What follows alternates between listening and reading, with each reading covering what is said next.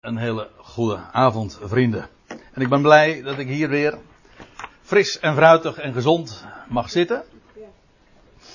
Dat was drie weken geleden anders. Toen uh, voelde ik me tamelijk belabberd. En dat heeft nog uh, enige dagen geduurd voordat ik daar weer uh, helemaal van hersteld was. Maar ik had het zo juist nog eventjes erover dat dat soms ook wel een hele goede ervaring is. Hoewel je dat op dat moment misschien niet zo beleeft, maar dan realiseer je ook wel weer eventjes hoe groot goed het is als je inderdaad gezond en fris en energiek bent. Want dat is dan even helemaal niet zo vanzelfsprekend. Het is dus inmiddels anderhalve maand geleden, zes weken geleden, dat wij hier voor het laatst waren. In de bespreking van dit onderwerp, reken maar. En dit is dus de achtste studie. En u bent het inmiddels van mij gewend en ik denk dat het een goede zaak is om in het kader van dit onderwerp toch eventjes de zaak weer helemaal even scherp te stellen. Nu helemaal omdat we inmiddels anderhalve maand geen studie hebben gehouden hierover. En vanavond gaan we weer verder onder uh, de wat cryptische subtitel Na twee dagen. En wat dat beduidt. En ik, ik heb zo het vermoeden dat een aantal van u wel enig vermoeden hebben daarover. Maar laten we daar ook eens een keer uh, echt heel duidelijk en met precisie de schrift op naslaan. Eerst even dit dus, wat al even aangekondigd is. Namelijk een terugblik op wat we tot dusver hebben gezien. Nou, de eerste avond was het zo dat we de geslachtsregisters die in Genesis 5 en 11 worden gepresenteerd, hebben we zo allemaal in een rijtje onder elkaar gezet. En toen hebben we de ontdekking gedaan dat als je correct telt, ik zeg het er expres even bij, omdat het niet zo vanzelfsprekend is, maar dat je correct telt, optelt, dan blijkt dat het in het 2000ste jaar sinds Adam, wij noemen dat iedere keer en die uitdrukking vind je niet in de Bijbel. Anno hominis, dat wil zeggen. Uh, het jaar van de mens. Dat wil zeggen het jaar dat, gerekend vanaf het jaar dat de mens zijn intrede deed in deze wereld. Oftewel, gewoon vanaf de creatie van Adam. Wel, Noach stierf in het 2000ste jaar. Het was het jaar ook dat Abraham, of Abraham toen nog, geboren werd. Een heel markant moment.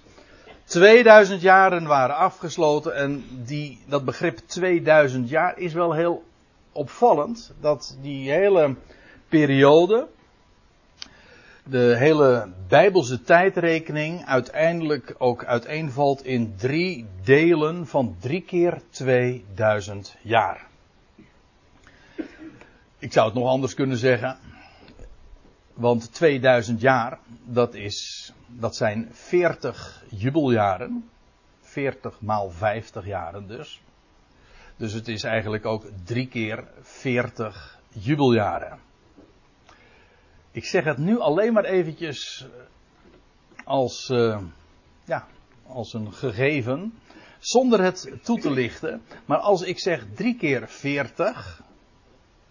Dan moet er bij een aantal van u, denk ik, toch wel een belletje gaan rinkelen. Of misschien bij anderen weer een lampje gaan branden. Maar daar gaan we het later nog over hebben. Vanavond in ieder geval niet meer. Maar goed, het jaar 2000. Dat was het jaar dat, Noach uh, stierf. Abraham uh, wordt geboren. Een heel nieuw tijdperk. En dan vervolgens ga je uh, een, weer een tijdperk krijgen van 2000 jaar. Die, dat uiteenvalt in vier gelijke delen. Dat wil zeggen vier keer 500 jaar met precisie. Dat wil zeggen je krijgt het tijdperk van de aartsvaders. En dat loopt dan uit vanaf de geboorte van Abraham gerekend tot aan het jaar van de Exodus. En dat is weer, of niet weer, dat is 500 jaar. Een, een termijn die dan uiteenvalt in 70 jaren. Uh, de 70 jaren dat Abraham, het 70ste jaar werd Abraham ge, roepen. En, vier, en kreeg hij de belofte. En 430 jaar later zou de uittocht plaatsvinden. En dat was trouwens tevens het jaar ook dat de wet gegeven werd. Nou, ik heb de bonnetjes daar toen de tijd uh, bijgelegd. En dat betekent dus dat we hier in het jaar 2500 zijn gearriveerd. Dat is het jaar van de uittocht. Het jaar dat uh, Israël uit het slavenhuis bevrijd werd. Het vijftigste jubeljaar ook. En dan weer 500 jaar eh, verder gerekend. Dan komen we in het jaar 3000. En dat is het jaar dat Jeruzalem gereed is. Ik vat het expres even zo op, uh, samen. Het was het jaar namelijk dat niet alleen de tempel voltooid was, maar ook het paleis van het huis van David. En die periode, het grofweg de periode van de richters en de eerste koningen van Saul en van David en een deel van, van Salomo's uh, regeringstermijn. Maar deze periode valt uiteen, heel uitdrukkelijk, in een periode van 480 jaar en dan nog 20 jaren. Die worden ook letterlijk zo benoemd. Het is prachtig zoals de Bijbel dat dan neerzet. Als je eenmaal deze structuur kent, dan is het ook moeilijk hem weer meer uh, kwijt te raken. Want het is namelijk zo helder, zo duidelijk. En uh, in zekere zin dat als je eenmaal de lijn volgt ook haast voorspelbaar.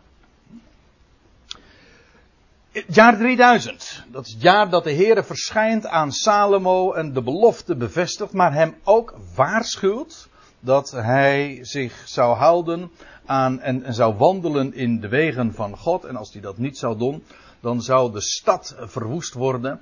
Wel nu, uh, dat is ook daadwerkelijk gebeurd. Want je krijgt dan weer een periode van 500 jaar. En dat, dan kom je uit dus in het jaar 3500, 3500 anno hominis. En dat is de periode van de koningen. Twintig koningen hebben geregeerd na Salomo over het huis van Juda. En trouwens ook twintig koningen over het huis van Ephraim, het huis van Israël. En die periode is, valt ook weer uiteen, net als deze periode van Abraham tot aan de Exodus, in een periode van, maar dan het spiegelbeeld, van 430 jaar en van 70 jaar, waarbij de 70 jaar slaat op de, de verwoesting, die 70 jaren beginnen met de verwoesting van Jeruzalem onder leiding van koning Nebukadnezar. En die eindigen dan met de, ja, het einde van de ballingschap. En dan wordt Jeruzalem weer herbouwd onder leiding van koning Kores. En dat is dus in het jaar 3500. Het is het jaar ook van Daniel. Die heb ik er uitdrukkelijk ook even bijgenoemd. Ik heb, u ziet het. Ik heb hier een paar persoonsnamen die eigenlijk ook deze jubilea, het zijn, wat zijn allemaal jubileumjaren, markeren. Kores is het die Jeruzalem weer doet herbouwen. En Israël weer laat terugkeren naar het land. Aan het einde van die 70 jaren. En daarmee is weer een periode van 500 jaren voltooid. En dan, en daar hebben we ons de laatste paar keren mee bezig gehouden, omdat dat toch nog een, een hele kwestie is. De periode die in het boek Daniel genoemd wordt, namelijk die van de 70 jaarweken. Een periode van 500 jaren, dat wil zeggen, u weet, je hebt uh, zeven sabbatsjaren, dat is dan 49 jaren. En daar wordt dan vervolgens, hoort daar een jubeljaar bij. Zodat een cyclus van zeven sabbatsjaren 49 jaar duurt, plus een jubeljaar.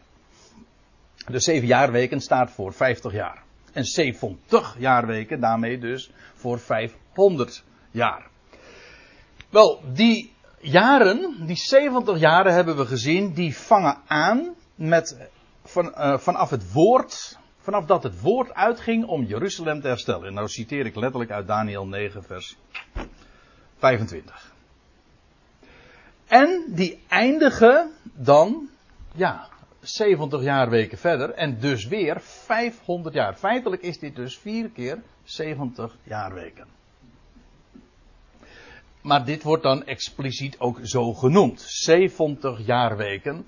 Die periode die is ook dan ook weer onderverdeeld. Dat hebben we in Daniel 9 gezien. Maar het gaat eventjes om de grote happen van tijd die we hebben besproken. Ze eindigen Trouwens, die 70ste week, die eindigt ja, met een hele markante. Die 70 jaarweken eindigen met uh, één week, hele bijzondere week, die 70ste week, waarin een verbond bevestigd wordt. En in halverwege die week werd dan, uh, zou de Messias worden uitgeroeid of worden afgesneden. Ook daar hebben we het uitgebreid over gehad. Ook de haken en ogen die daaraan vastzitten. Want ik weet dat dit afwijkt van de gangbare visie. Ook de visie die ik, altijd, die ik zelf altijd daarover heb gehad. Dus ja, zo'n hobbel moet je dan toch maar uh, zien te nemen. Dat hebben we gedaan. In ieder geval, uh, het meest belangrijke was wel dat deze periode een aaneengesloten tijd is. Een termijn. Wel, en ze eindigt dan met de verwerping van, ja, hun verwerping. Met de verwerping van Israël. Dat Israël officieel, dat wil zeggen haar leidslieden, het Sanhedrin, de, het evangelie aanwijst. Eerder, 3,5 jaar eerder hadden ze de Messias gedood. En 3,5 jaar later wordt Stefanus gestenigd. En daarmee bevestigen ze feitelijk ook officieel als Joodse leiding het evangelie dat in het boek Handelingen gepredikt wordt. En daarmee is een hele periode ook afgesloten. Dat is dus in het jaar 4000. Vier millennia zijn er, sinds, zijn er inmiddels verstreken. 4000 jaren. En het was tevens ook het jaar dat de, voor het eerst ook Saulus genoemd wordt. En die wordt dan daadwerkelijk ook na de steniging van Stefanus geroepen. En dan gaat er een heel nieuw hoofdstuk beginnen. Wel, daar gaan we het dus vanavond ook over hebben. Maar voordat ik dat uh, ga bespreken, wil ik eerst nog even iets anders doen. Namelijk de link met onze jaarrekening gaan leggen. Kijk, tot dusver hebben we gewoon alleen maar de Bijbel gevolgd. En dan is het gewoon een kwestie van de Bijbelse gegevens op een rijtje zetten. En dan is het een kwestie van de jaartallen bij elkaar optellen. En zo kom je dus bij het jaar 2000, 2500, 3000, 3500, 4000. Nou, dat in principe is niet uh, zo moeilijk. Helemaal niet. Maar nu is de vraag, vervolgens, in welk jaar bevinden wij ons nu dan wel? Toch, dat wil je weten. Als je deze markante personages, alle deze markante momenten allemaal kunt aan, aanwijzen en kunt traceren en kunt aanwijzen gewoon vanuit de schrift. Hoe zit het dan met de tijd waarin wij nu leven? wij zeggen, ja, we leven nu in 2016. Ja, maar wat is dat? Betekent, of wat betekent dat? Gewoon in dit verhaal. Nou, daar moeten we dan toch eens even over hebben. En dat, die, dat verhaal is niet zo moeilijk, al zitten er wel een paar haken en ogen aan. En hier moet ik ook zeggen, met absolute precisie tot op het jaar nauwkeurig kun je hier niet zijn. Maar laat ik daarover een paar dingen even zeggen. Eerst nog even dit. We hadden het dus over die, uh, zojuist ook in die samenvatting nog, over die 70ste jaarweek. Hè. Wel, dat was een periode van 500 jaar. Uh, ze begon met het moment dat de Messias werd gezalfd. En met geest en kracht. Drieënhalf jaar later uh, vond de kruisiging plaats. De Messias sterft. Voorhangsel scheurt. En waarmee ook slachtoffer en spijsoffer werd gestaakt. En nog weer drieënhalf jaar later uh, stenigt het Sanhedrin, de Joodse raad, Stefanus. En daarmee verwerpt het volk officieel. Belangrijk hè? Dus maar niet, dat zijn geen individuele. Nee, officieel verwerpt het, het volk daarmee het evangelie. Nou, dat was Stefanus, dat was 3,5 jaar later en toen brak een jubeljaar aan. Het jaar 500. Maar dat is, dat zijn de jaartallen van de 70ste jaarweek. Nu heb ik er nog een tabelletje bij. Want maar dat is, hoeft u inmiddels al niet meer te verrassen, want we hebben ook al eerder het grote plaatje laten zien. Namelijk de jaarrekening sinds Adam. En dan hebben, toen hebben we vastgesteld dat dat 500ste jaar van de 70, ja- 70 jaarweken overeenkomt met het jaar 4000. Dat betekent dus dat de kruisiging, 3,5 jaar eerder, een halve jaarweek daarvoor, of 42 maanden eerder, dat vond plaats in het jaar 59. Oei, oei, oei, oei, wat een fout heb ik hier gemaakt. Eh, ik weet wel waarom ik die fout gemaakt heb. Maar dat is omdat ik een, een dia te ver ben gegaan. Oh, dit moet ik eventjes eh, thuis nog even goed corrigeren. Dit is uiteraard niet, als dit 4000 is, is het jaar daaraan voorafgaand natuurlijk niet 59, 99. Nee, dat is 39, 99. Waarvan akte? Eh, met excuus, eh, hier moet dus niet een 5 staan, maar een 3. Eh, maar dat betekent, ja? En dat betekent dat de, de kruisiging plaatsvond 3,5 jaar eh, voor dat jaar eh, 4000. En dat was dus in het jaar 59, 96. 39, 96.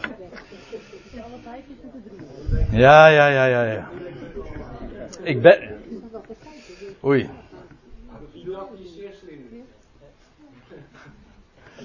Ja, ik ben weer beter op zich, maar, maar mijn hoofd is. eh, of eh, heeft, oh, heeft dat dan weer met andere factoren dan te maken? Hou erom. Sorry? Ja, ik kijk hier wel naar uit, ja, dat is waar, ja. ja. Misschien, misschien is dat het wel, ja. Maar goed, daar moet ik even iets bij zeggen, want oké, dit was dus. eh, de kruisiging vond plaats in het jaar 59, 96. hè? Eh, 39, 96. Nou zeg, ik moet straks. Een, een, een, ezel, een stoot zich in het gemeen. Niet tweemaal tegen dezelfde steen. Maar ik ken hem. ehm, ik heb eh, ook wel eens een keertje een toevoeging daarvan gehoord. En die is erg troostrijk in dit verband. Een ezel stoot zich in het gemeen niet tweemaal tegen dezelfde steen. Dus één troost. Als u zich tweemaal stiet, een ezel bent u zeker niet.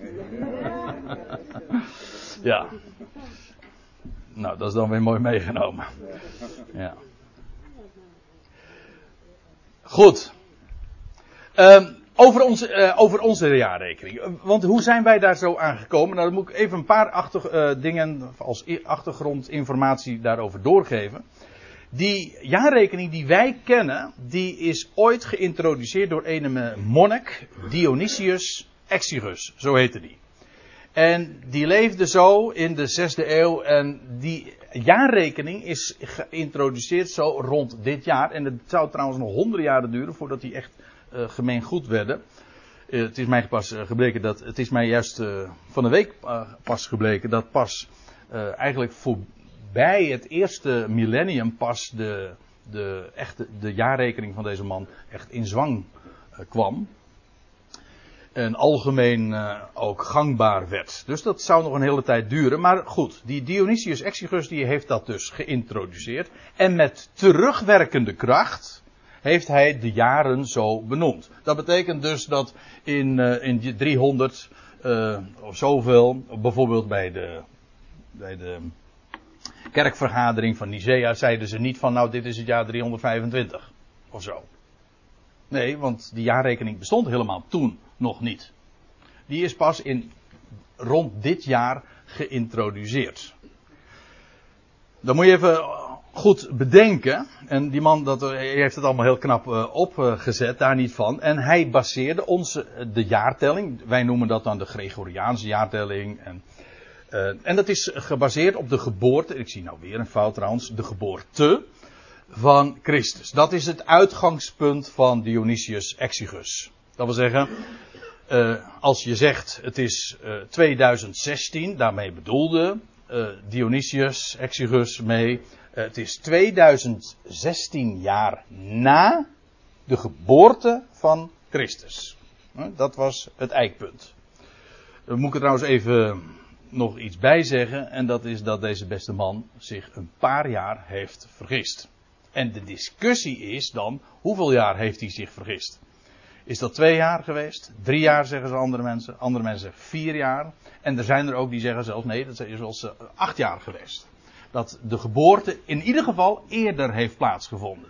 Sowieso niet het jaar nul. Die, het jaar nul moet je sowieso niet rekenen. Dat, dat deed Exegus ook al niet. Je, je rekent niet met jaar nul. Je, rekent ook niet met jaar. Uh, een kalender ga je, begin je ook niet met dag nul. Hè? Je begint gewoon met dag 1. Dus je, het, het getalletje 0 is alleen maar een, een, wiskundig fenomeen. In de jaarrekening reken je daar helemaal niet mee. Maar goed, hij heeft zich daarin een paar jaar vergist. Maar uiteindelijk is dat niet uh, zo een uh, heel belangrijk punt. Het gaat er vooral om het jaar van de kruisiging. Wanneer is dat geweest? En daarmee dus ook het jaar van de opstanding, het jaar van de hemelvaart. Want dat vond allemaal in datzelfde jaar plaats. Nou, daarvoor worden twee jaartallen met name genoemd. En dat is het jaar 30. En, ik, en u ziet jaar 30 AD, Anno Domini, oftewel na Christus. Het is maar net hoe je het wil zeggen. Andere mensen spreken, Jehovah's spreken altijd over GT, gewone tijdrekening. De, de gangbare jaartelling. En dat was, uh, de kruisiging zou dan in het jaar 30 hebben plaatsgevonden. Of, dat is ook een, een optie die uh, nogal eens verdedigd wordt, of het jaar 33. En er zijn er ook die zeggen het is 31 of 32 geweest. Maar het zit hem vooral hierop vast. 30 of 33 AD. Dus dat is een marge van drie jaar. En ik heb juist gisteren of eergisteren een artikel uh, geschreven. En ik ga dat niet nu nog eens een keertje dunnetjes over doen. Want dan, dan zou ik daar veel te veel in verzanden. Uh, waarom uh, ik uitga van 30 AD. Maar ik, er is helemaal geen strijd. Want het scheelt slechts een paar jaar. Dus uh, zo'n punt is dat uh, helemaal niet. Maar waarom ik uitga van 30 AD. Ik wil het wel even kort samenvatten. Omdat daarmee er precies 40 jaar gelegen is tussen de dood en de opstanding en de hemelvaart van Christus en de verwoesting van Jeruzalem. Want dat is een, uh, een gebeurtenis in het jaar 70 geweest. En dat is een historisch gewoon volstrekt onomstreden en vaststaand gegeven. En, als die, en ervan uitgaande dat, die, dat de verwoesting van Jeruzalem in het jaar 70 heeft plaatsgevonden, wat onomstreden is. Wel, ga 40 jaar daarvoor uh, rekenen. En dan kom je uit dus in het jaar 30. En dat is heel uh, boeiend, omdat de Heer Jezus daar ook aan refereert. Als hij bijvoorbeeld spreekt over het teken van Jona. Dat aan zijn generatie gegeven zou worden.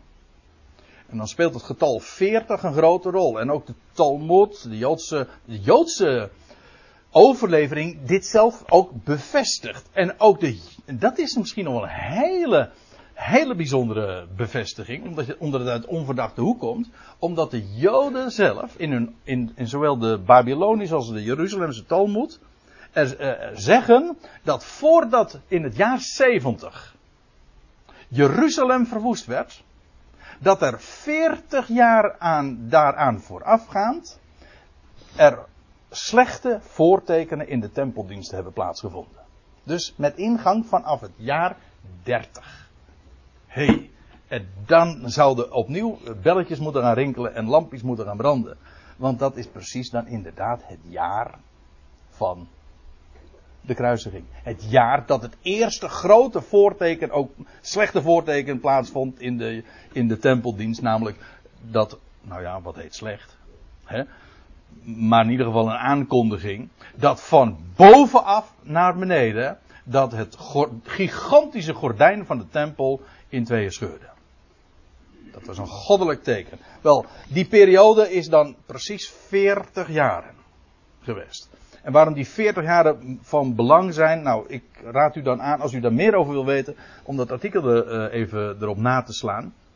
Want er zijn hele boeiende uh, argumenten voor. Dus zodat ik inderdaad ervan uitga, zoals trouwens al, algemeen ervan uitgegaan wordt, dat de kruisiging plaatsvond in, niet in 33, maar in het jaar 30. En daarmee hebben wij dus een link gelegd. Een koppeling gelegd met de Bijbelse jaarrekening die we tot dusver hebben gezien. En u ziet dat, we, dat ik hier dus dezelfde fout heb als uh, die, uh, die ik ook in die andere dia had, dat hier een 5 staat, maar er had dus een 3 moeten staan. Nogmaals, mijn excuses daarvoor, voor deze didactische fout. maar, hè? Didactisch juist goed, nu weet iedereen. Ja, ja. oh, bedoel je het zo? Ja, ja. Oké, okay, dankjewel. Nou, die, die kan ik wel gebruiken bij zo'n blunder. ja, maar oké, okay, we hadden dus vastgesteld dat de kruisiging plaatsvond in het jaar 3996. En dat komt overeen met het jaar 30 van onze, van onze jaarrekening. Ziet u? Nou, houd die even vast. Want daarmee hebben we een koppeling gelegd. Als we ervan uitgaan dat de kruisiging plaatsvond in het jaar 30 van onze jaarrekening. En dat is het jaar ja, ja, ik zeg het ook al. Weer 59. Ik, ik vind dat als je een fout maakt, moet je het consequent doen. Ja. Hij is nu naar de 6000, dat is Ja, nee, ja. Nou ja. Jo, jongen. Ik maak wel eens vaker foutjes in een uh, PowerPoint. Maar dan is het vaak een kwestie van een D of een T en zo. Maar dit is, dit is wel een beetje erg, ja. Maar goed. Gaan we uit van de kruisiging in 30 AD. Dat is dus in het jaar 39, 96. Anno Hominus. Dan komt het jaar van Stefanus dood. Dus. Dat is in het jaar 4000. Anno Hominus. Overeen met 33, 34 van onze jaartelling. Ik zeg 33, 34. Weet u waarom? Omdat een, een Hebreeuws jaar begint in, in het najaar. En ons jaar begint in januari. En zodat het jaar uh, 4000 Anno Hominis, dat Hebreeuwse Bijbelse jaar, valt samen bij in. Ja, dat is dus in. Dat was 33, een deel van 33 en een deel van 34. Vandaar. Be, dat betekent. En nou kom ik. Uh, op een spannend gegeven natuurlijk. Het jaar, dat betekent dus als het jaar 4000 overeenkomt met 33, 34 AD, dan, dat is een kwestie van een hele simpele rekensom. 2000 jaar later ben je uitgekomen in het jaar 6000. Hè? Als je 4000 hebt, plus 2000, kom je in het jaar 6000 uit. En dat betekent dus dat dat, als het jaar, dit het jaar 4000 was, dan is dit het jaar 6000. Toch? Oké. En dat betekent dus, als je wil weten van waar we nu zitten. Nou, dat is helemaal eh, dan niet zo moeilijk meer. Dan is het voorjaar 2016, dat is nu dus.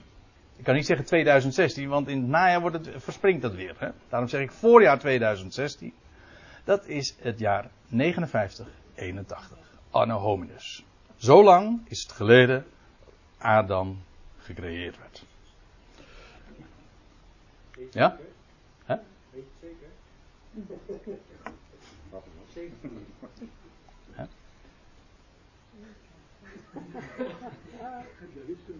Nee, ik kan gewoon rekenen.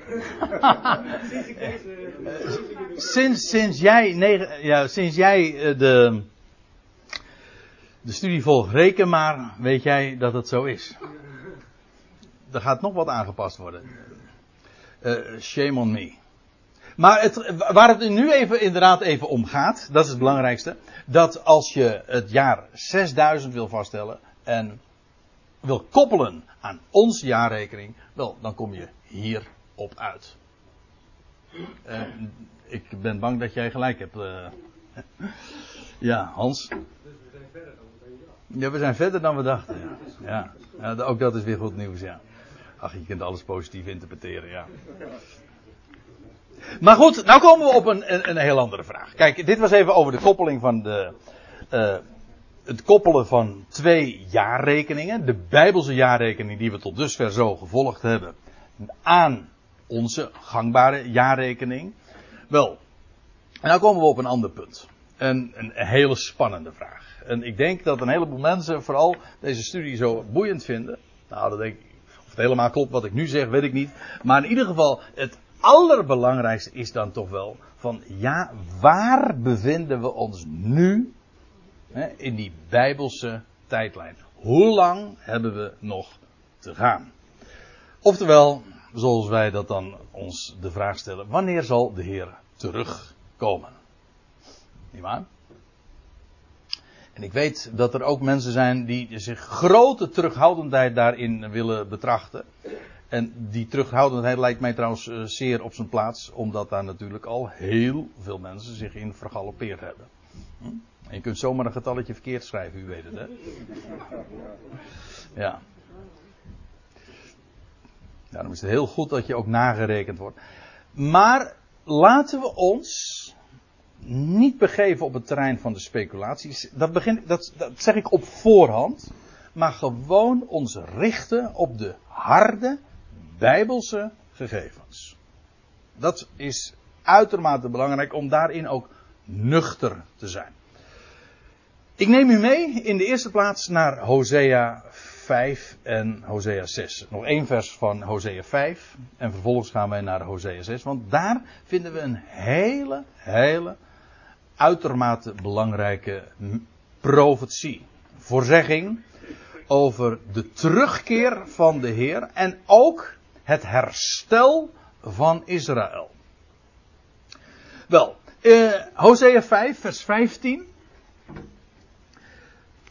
Daar zegt de Heer, want het is de Heer zelf die eh, hier zich, uh, die sprekend wordt ingevoerd. Ik zal heen gaan, de Heere, Jaweh, of hij die namens de Heere spreekt. Hij die het woord is ook van de Heere, oftewel de Heer Jezus Christus. In Hosea 5 staat, ik zal heen gaan. Hij zegt, en ik, de Heere dus, ik wil wederkeren, oftewel, ik keer terug naar mijn plaats. Dus de Heer onttrekt zich aan Israël. Dat zullen we straks ook zien. En wat doet hij dan in die tussentijd? Waar bevindt hij zich dan? Wel, hij keert terug en hij gaat naar zijn eigen plaats. Ik wil wederkeren naar mijn plaats. In Psalm 115, vers 16, dan lees je dit. Over die plaats van de Heer. Daar staat, de hemel, dat is de hemel van de Heer. Dat is zijn plaats. De aarde, die of het land, heeft hij aan de mensenkinderen gegeven.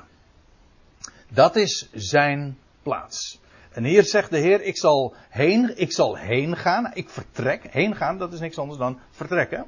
En hij keert daarmee ook terug naar de plaats van waar hij komt. Of waar, van waar hij kwam. En dan staat erbij dat de Heer dus naar zijn plaats gaat en hij zegt, totdat. Daar zal hij dus niet blijven. Dat heen gaan is niet definitief. Nee, het heeft een totdat. Dus het is een tijdelijk fenomeen. Waarbij we natuurlijk nu in het kader van deze studie ons vooral bezighouden met de, ja, de chronologische kant van het verhaal. Wanneer zal dat dan zijn? Wel, daarover straks meer. Maar eerst nog even dit. Want er wordt hier een aantal dingen gezegd over over dat tot dat. Laten we dat eens nader bezien. Ik wil wederkeren naar mijn plaats, dat zegt de Heer, totdat zij zich schuldig gevoelen. Of letterlijk, totdat zij schuld, zij, is Israël. Je kunt het trouwens in de voorgaande versen ook zien. Daar wordt er gesproken over Ephraim, Juda. Dus de Heer onttrekt zich aan zijn volk. Hij, hij gaat heen. Maar, en hij gaat naar zijn plaats. Maar dat is niet definitief. Hij, hij zou weer terugkomen. Waarom? Omdat er staat, totdat zij schuld erkennen. Zij is dus het volk van Jacob. En er staat er nog iets bij. En mijn aangezicht zoeken. Dus er komt een moment dat, dat de Heer weer zal terugkeren. En Wanneer zal dat zijn? Wanneer Israël schuld zal erkennen. En, staat erbij, en mijn aangezicht gaan zoeken. Dat betekent trouwens ook iets anders. Dat, dat namelijk, en dat is een heel bekend fenomeen in de profeten, maar ook al veel eerder in de, in de hele Bijbelse uh, boodschap, maar ik, ik bedoel vooral in de Hebreeuwse Bijbel vinden we dat die uitdrukking heel regelmatig dat de Heere zijn aangezicht verbergt. Voor deze wereld, maar ook voor zijn volk. Als hier staat dat de Heer heen gaat, terugkeert naar zijn plaats, dan heeft dat ermee te maken dat hij zijn aangezicht voor zijn volk verbergt. Vandaar ook dat er staat, uh, het heeft een tot dat, en dan gaan ze zijn aangezicht zoeken. Waarmee dus gezegd is, dat aangezicht dat is verborgen. Alleen iets wat verborgen is, dat kun je weer gaan zoeken. Niet waar? En, en Israël zich, zal, zal zich bewust worden van de schuld die zij draagt. Waaraan staat hier niet bij. Nee, ik, lees gewoon de tekst en ik probeer dat zo helder en scherp mogelijk te krijgen. Want uh, dan wordt namelijk vanzelf de betekenis ook helder. Gewoon lees wat er staat. De Heer keert heen. Gaat terug naar zijn plaats. Het heeft een totdat. Israël zal schuld. Eenmaal schuld erkennen. En ook het aangezicht van God, van Yahweh, van de Heere gaan zoeken. De Heer die zijn aangezicht tot die tijd dus kennelijk verbergt. Trouwens, uh, dat lijkt mij een hele aardige omschrijving. Een hele treffende omschrijving of beschrijving van de tijd waarin wij ook leven. De Heere verbergt zijn aangezicht. Zodanig zelfs dat veel mensen zeggen van nou, hij is er niet. Hij, hij zal er wel niet zijn of God is dood zeker. Hij laat zich niet zien. Hij laat niks, hij demonstreert zichzelf niet. Hij is verborgen. Het is de tijd met recht ook, die we in het Nieuwe Testament maar al te goed kennen. De tijd dat de Heer zijn aangezicht verbergt, oftewel de tijd dat hij zich verbergt. De tijd van de verborgenheid. En feitelijk, als je dat zegt, ja, dan kom je natuurlijk meteen ook, ik kom daar straks nog uh, wat uitgebreider over te spreken, over de de verborgenheid. Ja? Het evangelie van de verborgenheid dat Paulus mocht, mocht bekendmaken. Ons leven is. Zoek de, zoek de dingen die boven zijn. Waar Christus is. Hij is teruggekeerd toch naar zijn plaats. Waar Christus is. En uw leven is met Christus verborgen bij God. Het is allemaal verborgen. Er is niets zichtbaar. Het is niet voor het oog van de camera allemaal vast te leggen. Nee, alles is wat God doet en wat, waar het werkelijk om gaat, dat is verborgen. Dat is heel karakteristiek, karakteristiek voor de tijd waarin wij leven. De Heere verbergt zijn aangezicht. Maar dat heeft een totdat. En is als Israël schuld gaat erkennen en ook het aangezicht van de Heer zal gaan zoeken. Trouwens, het aangezicht van de Heer heeft een naam. Dat is feitelijk de naam van de, de, naam van de Heer Jezus Christus. Uh, ik herinner me dat we vorig jaar, toen ik het had over het evangelie van de heerlijkheid in 2 Korinthe 4, dat we het daar toen nog over gehad hebben. Over, daar, daar lees je in 2 Korinthe 4 dat Paulus ook spreekt over uh, het verlichten van het evangelie van de heerlijkheid van Christus. Nee, over de heerlijkheid Gods die straalt in het aangezicht van Christus. Zo staat het er. De heerlijkheid Gods in het aangezicht van Christus. Hoe kennen wij de heerlijkheid van God? Wel, door het, doordat God zichzelf zichtbaar maakt. God zelf is de verborgen God, de onzienlijke God. Maar hij, hij heeft een gezicht. Hij maakt zich kenbaar. En wie is dat gezicht van God? Hoe maakt hij zich kenbaar? Wel, dat is Christus. En zij zullen dat aangezicht straks ook zoeken. En dat gezicht, aangezicht zal hij trouwens ook laten zien. Dan zal hij zijn aangezicht niet langer verbergen. Dus ja, dit heeft alles te maken met, met, ja, met het evangelie zoals wij dat ook kennen. Zo zie je, uh, als je het over hebt over dat Hosea 5, vers 15, dan kun je alleen maar goed begrijpen in het licht van het Nieuwe Testament. Dan wordt dat allemaal ja, openbaar en onthuld. Dit, de verborgen dingen, de verborgen dingen staan al opgetekend in de Hebreeuwse Bijbel. En het is Paulus, met name, die deze dingen onthult. Die de ver- dat wat tot dusver altijd verborgen was, openbaar maakt, kenbaar maakt en onthult. Maar dat betekent dus dat al die verborgen dingen in de Hebreeuwse Bijbel terug te vinden zijn. Daarom, daarom ben ik eh, altijd zo ja, erop gespinst om, die, om, om het Oude Testament te lezen. Daar is, al die verborgen dingen vind je juist daar. En Paulus, die diept ze op. Goed.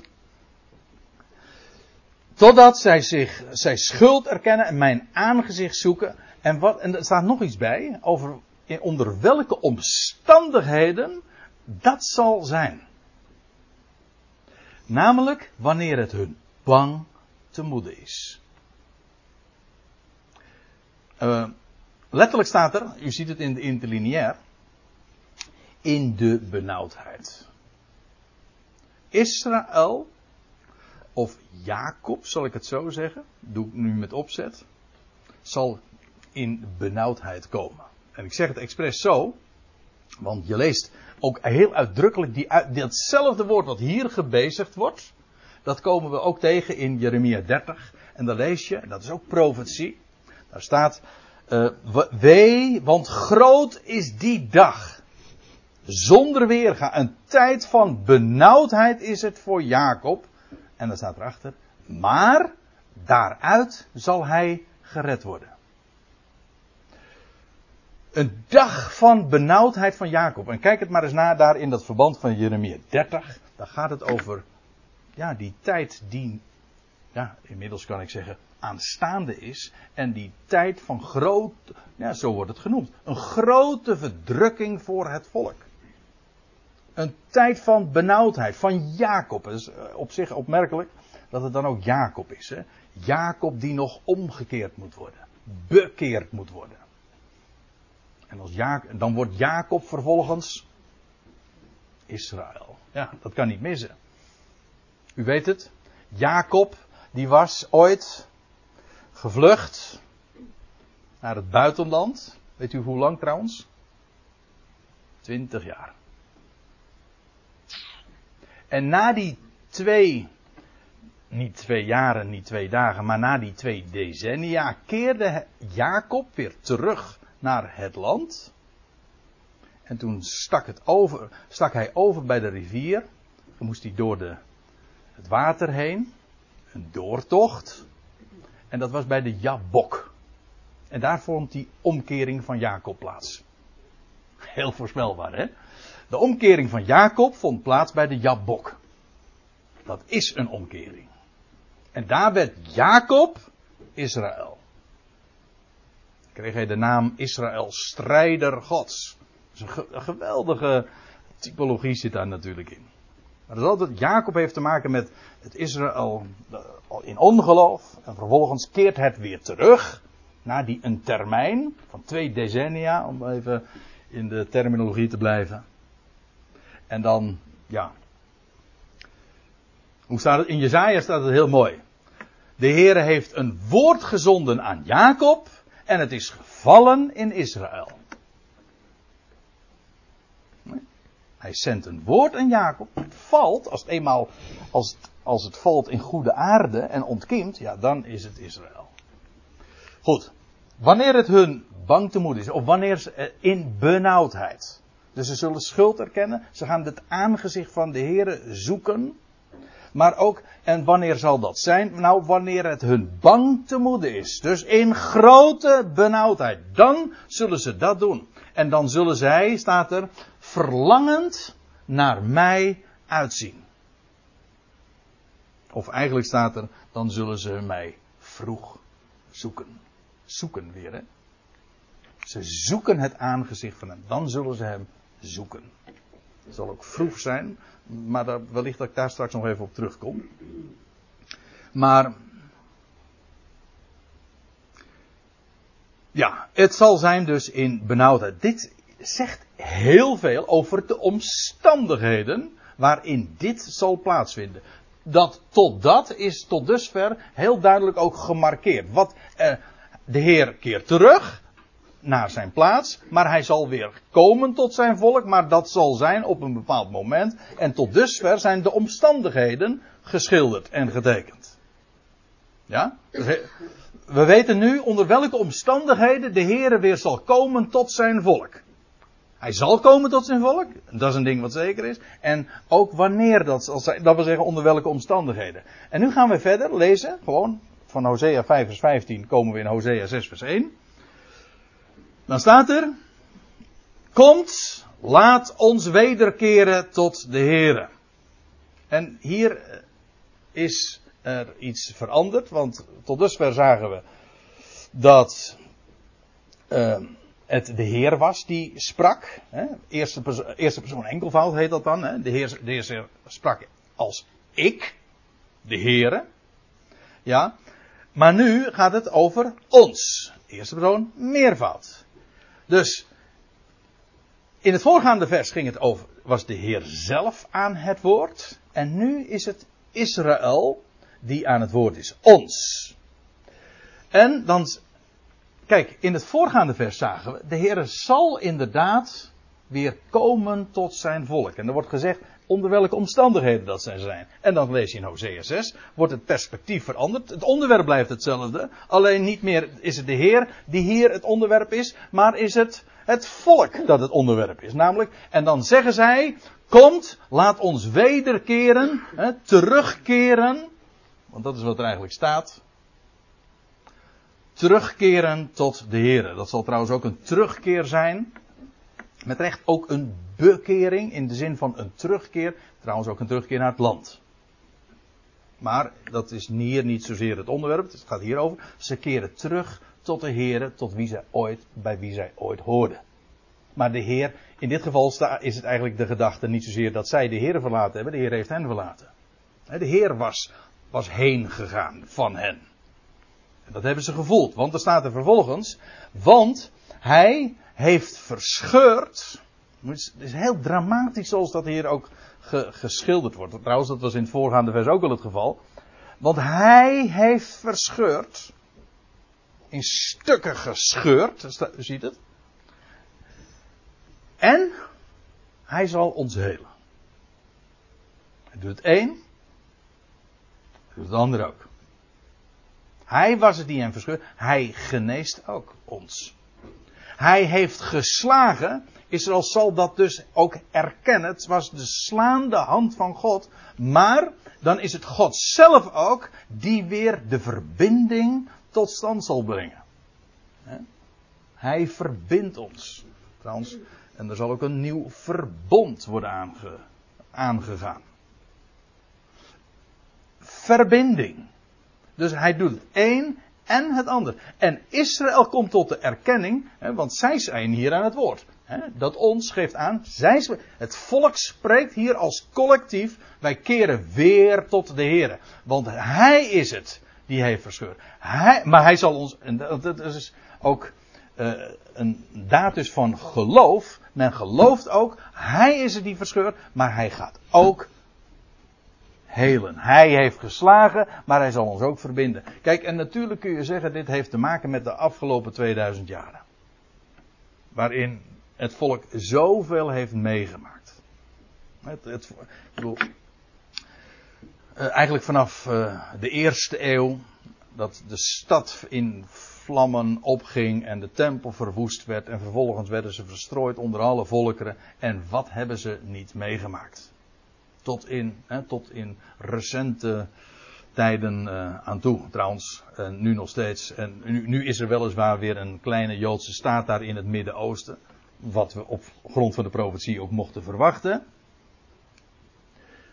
Maar wat gebeurt er allemaal nog niet? En het ergste is dat het de meest afschuwelijke tijd nog moet komen. Dat zegt niet ik, dat wens ik ook helemaal niet. Ik wens het ook niet toe, absoluut niet. Het is gewoon wat de schrift zegt. Een tijd van benauwdheid, zo erg zelfs, als er vanaf het begin der wereld niet geweest is. En het zal zelfs zo erg zijn dat er, er geen levende inwoner meer in het land zal zijn. En voor zover er nog levende inwoners zijn, is het omdat ze gevlucht zijn uit het land. Afschuwelijke tijden. Met recht benauwdheid. U zegt misschien, ik kan me voorstellen dat als ik dit zo beschrijf, en deze dingen zo ook naga, dat u zegt van ja, maar dit is wel uh, heel serieus, heel ernstig en het staat in de schrift. Maar wat heeft dit nou met ons onderwerp te maken? Nou, lezen we even verder. Want nu komen we daarop. Dit, nou komt er een, volgt er een, zij het cryptisch, maar niettemin volgt er een heel belangrijke chronologische aanwijzing. Wordt, hier wordt in het volgende vers wordt niet alleen wordt niet zozeer gezegd onder welke omstandigheden het zal zijn, maar ook wanneer. Hoezeer het misschien dan ook in taal is die, uh, ja, die hier verder niet toegelicht wordt. Maar er staat dit. Hij, is de Heer, hè? Hij zal ons na twee dagen doen herleven. En als je dat, die boodschap van na die twee dagen nog niet duidelijk is, dan zou de volgende zinsnede alsnog de doorslag moeten geven. Er staat bij ten derde dagen. Hij maakt ons levend na twee dagen. En in de derde dag richt hij ons op. Nou, dit is een geweldige profetie. Want hier wordt eigenlijk ook gezegd dat Israël als natie twee dagen dus in het graf zich bevindt, dood zal zijn. En dat is een heel bekend fenomeen, ja mag ik wel zeggen, in de profeten. Juist onderweg hadden we het nog over Ezekiel 37. Uh, Ezekiel 37, dat eigenlijk een, uh, ja, dat is een monumentaal hoofdstuk, waar ook gesproken wordt, u kent het wellicht, uh, dat hoofdstuk dat gaat over dat dal van dorre doodsbeenderen, waar geen, waar alles dor en ja, met doods is. En dan moet Ezekiel profiteren. Kunnen deze beenderen herleven? Dat is de eerste vraag die dan gesteld wordt. En dan zegt Ezekiel, nou, als hij dat al, al die knekels daar ziet. Hij zegt, nou heer, u weet het. Dat is op zich al hoop, hè. Als je de levende God kent, dan weet je, nou, dan is de dood nooit het laatste woord. En, maar dan, gaat er ook, dan gaat er ook gebeuren. Ezekiel 37 gaat over dat nationale herstel. Het gehele huis Israëls. Dat wordt er heel uitdrukkelijk bij gezegd. Dat nationaal zal herstellen. En eenheid zal worden. En ook geestelijk zal herstellen. Dat is nu even niet het onderwerp. Er zijn wat misverstanden over. Maar het gaat er even om. Israël zal twee dagen als dood zijn. Nationaal, geestelijk dood zijn. Maar na twee dagen. Ik heb het nu nog steeds niet uitgelegd. Maar ik zeg gewoon wat er staat. Na die twee dagen, dat wil zeggen op de derde dag, zal hij ons oprichten. Dat is leuk, ik heb het nu uh, geen diaatje van, maar ik heb dat nog eens een keertje nagelezen in de, in de kanttekeningen van de Statenvertaling. En dan staat er, ja, dan moet je even door het oude Nederlands heen prikken, maar dan staat er dat dat, uh, dat, dat uh, gaat over de Messias, want die immers op de derde dag opstond. En zijn kerk staat er dan. ja, dan uh, ben je alsnog uh, de draad kwijt. Want daarover gaat het namelijk niet. Het gaat niet over de kerk. Het gaat hier over Israël. En het gaat trouwens ook niet over het herleven van de Messias. Het gaat hier over ons, het volk. Natuurlijk kun je zeggen, de Heer Jezus, de Messias, hij stond op. Na twee dagen op de derde dag. Alsjeblieft, natuurlijk. Dat, uh, Wolter die had het al over. Gaan straks Pasen vieren. Of uh, ik hou daar niet zo erg van. Of in ieder geval van de christelijke variant. Maar gewoon Pesach. Hè? Dat is de hoogtij van de Heer. Nou,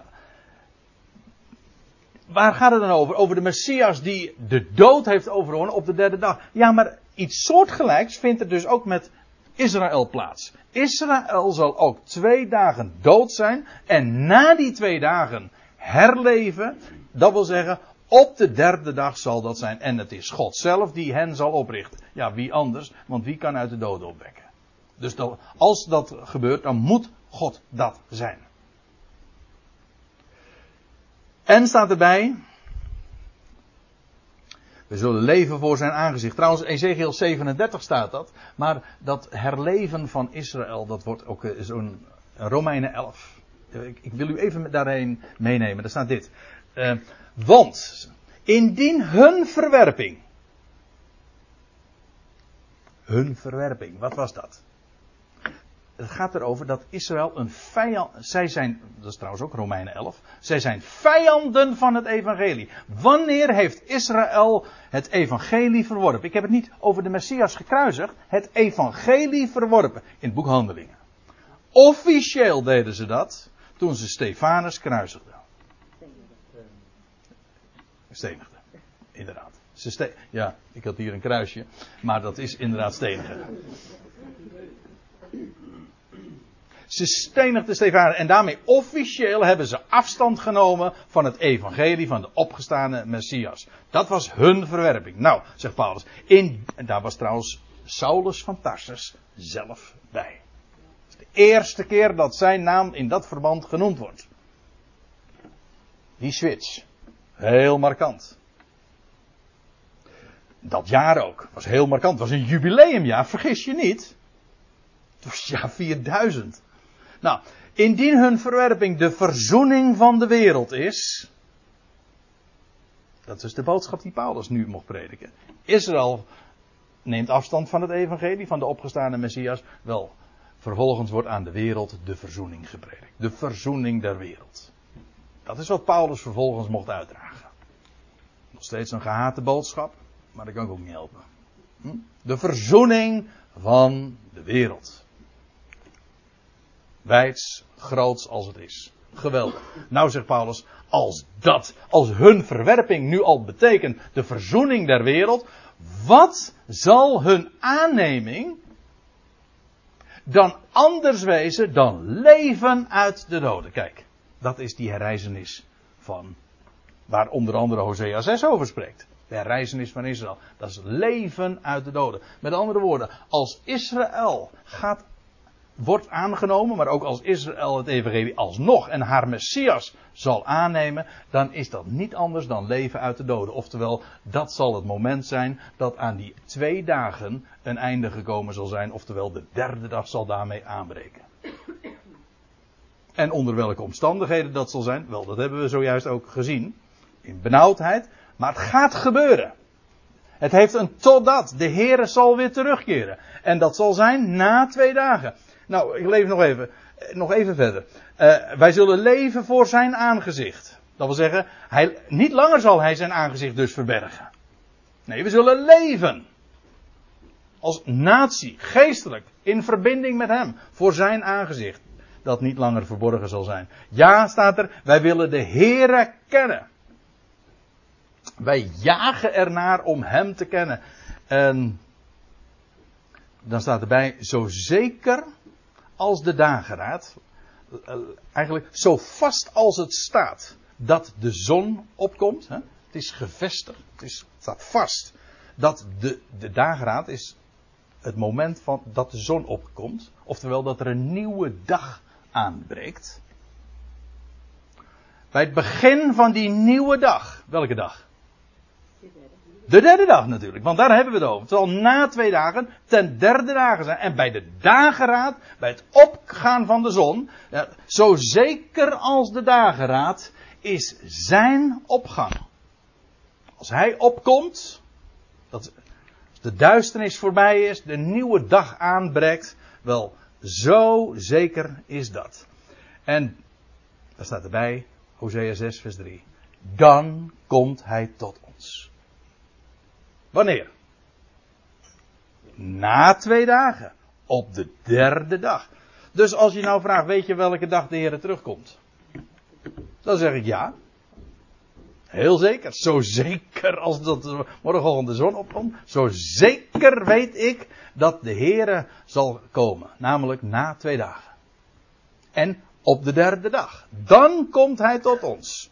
Nou, ja, laten we het nog eens op een rijtje zetten. Wanneer komt de Heer tot Israël? Want dat ons, dat is Israël, hè? Wanneer komt de Heer tot Israël? Als hij schuld erkent. Dat is wat we tot dusver gezien hebben. Als hij in benauwdheid is. Als hij het aangezicht van de Heer zal gaan zoeken. Als hij wederkeert tot de Heer. En dat zal zijn na twee dagen. En dat zal zijn, oftewel, dat is hetzelfde, op de derde dag. Bij de dageraad. Dan komt hij tot ons. Als de regen, als de late regen die het land besproeit. De, de, late regen, dat is eh, de regen van het voorjaar. Ja, dat uh, is nog een onderwerp apart. Want dat komt nog eens uh, terug in de profetieën. Het is in ieder geval, het heeft ook te maken met de geest die dan wordt uitgestort als een plensbui op dat volk. Een geest zal uitgestort worden op al wat leeft. Wel, dan zal dat zijn. Op die derde dag. Dat is de dag van het nieuwe leven. Niet alleen maar van de Messias, maar ook van de, Messiaanse tijden die gaan aanbreken. De Heer die terugkeert, Israël dat hersteld wordt. Een geweldige tijd. En nu hebben we vervolgens nog een andere vraag. En wat is voor de Heer één dag? En daar gaan we het straks over hebben, want inmiddels is het hoog tijd om even te gaan pauzeren.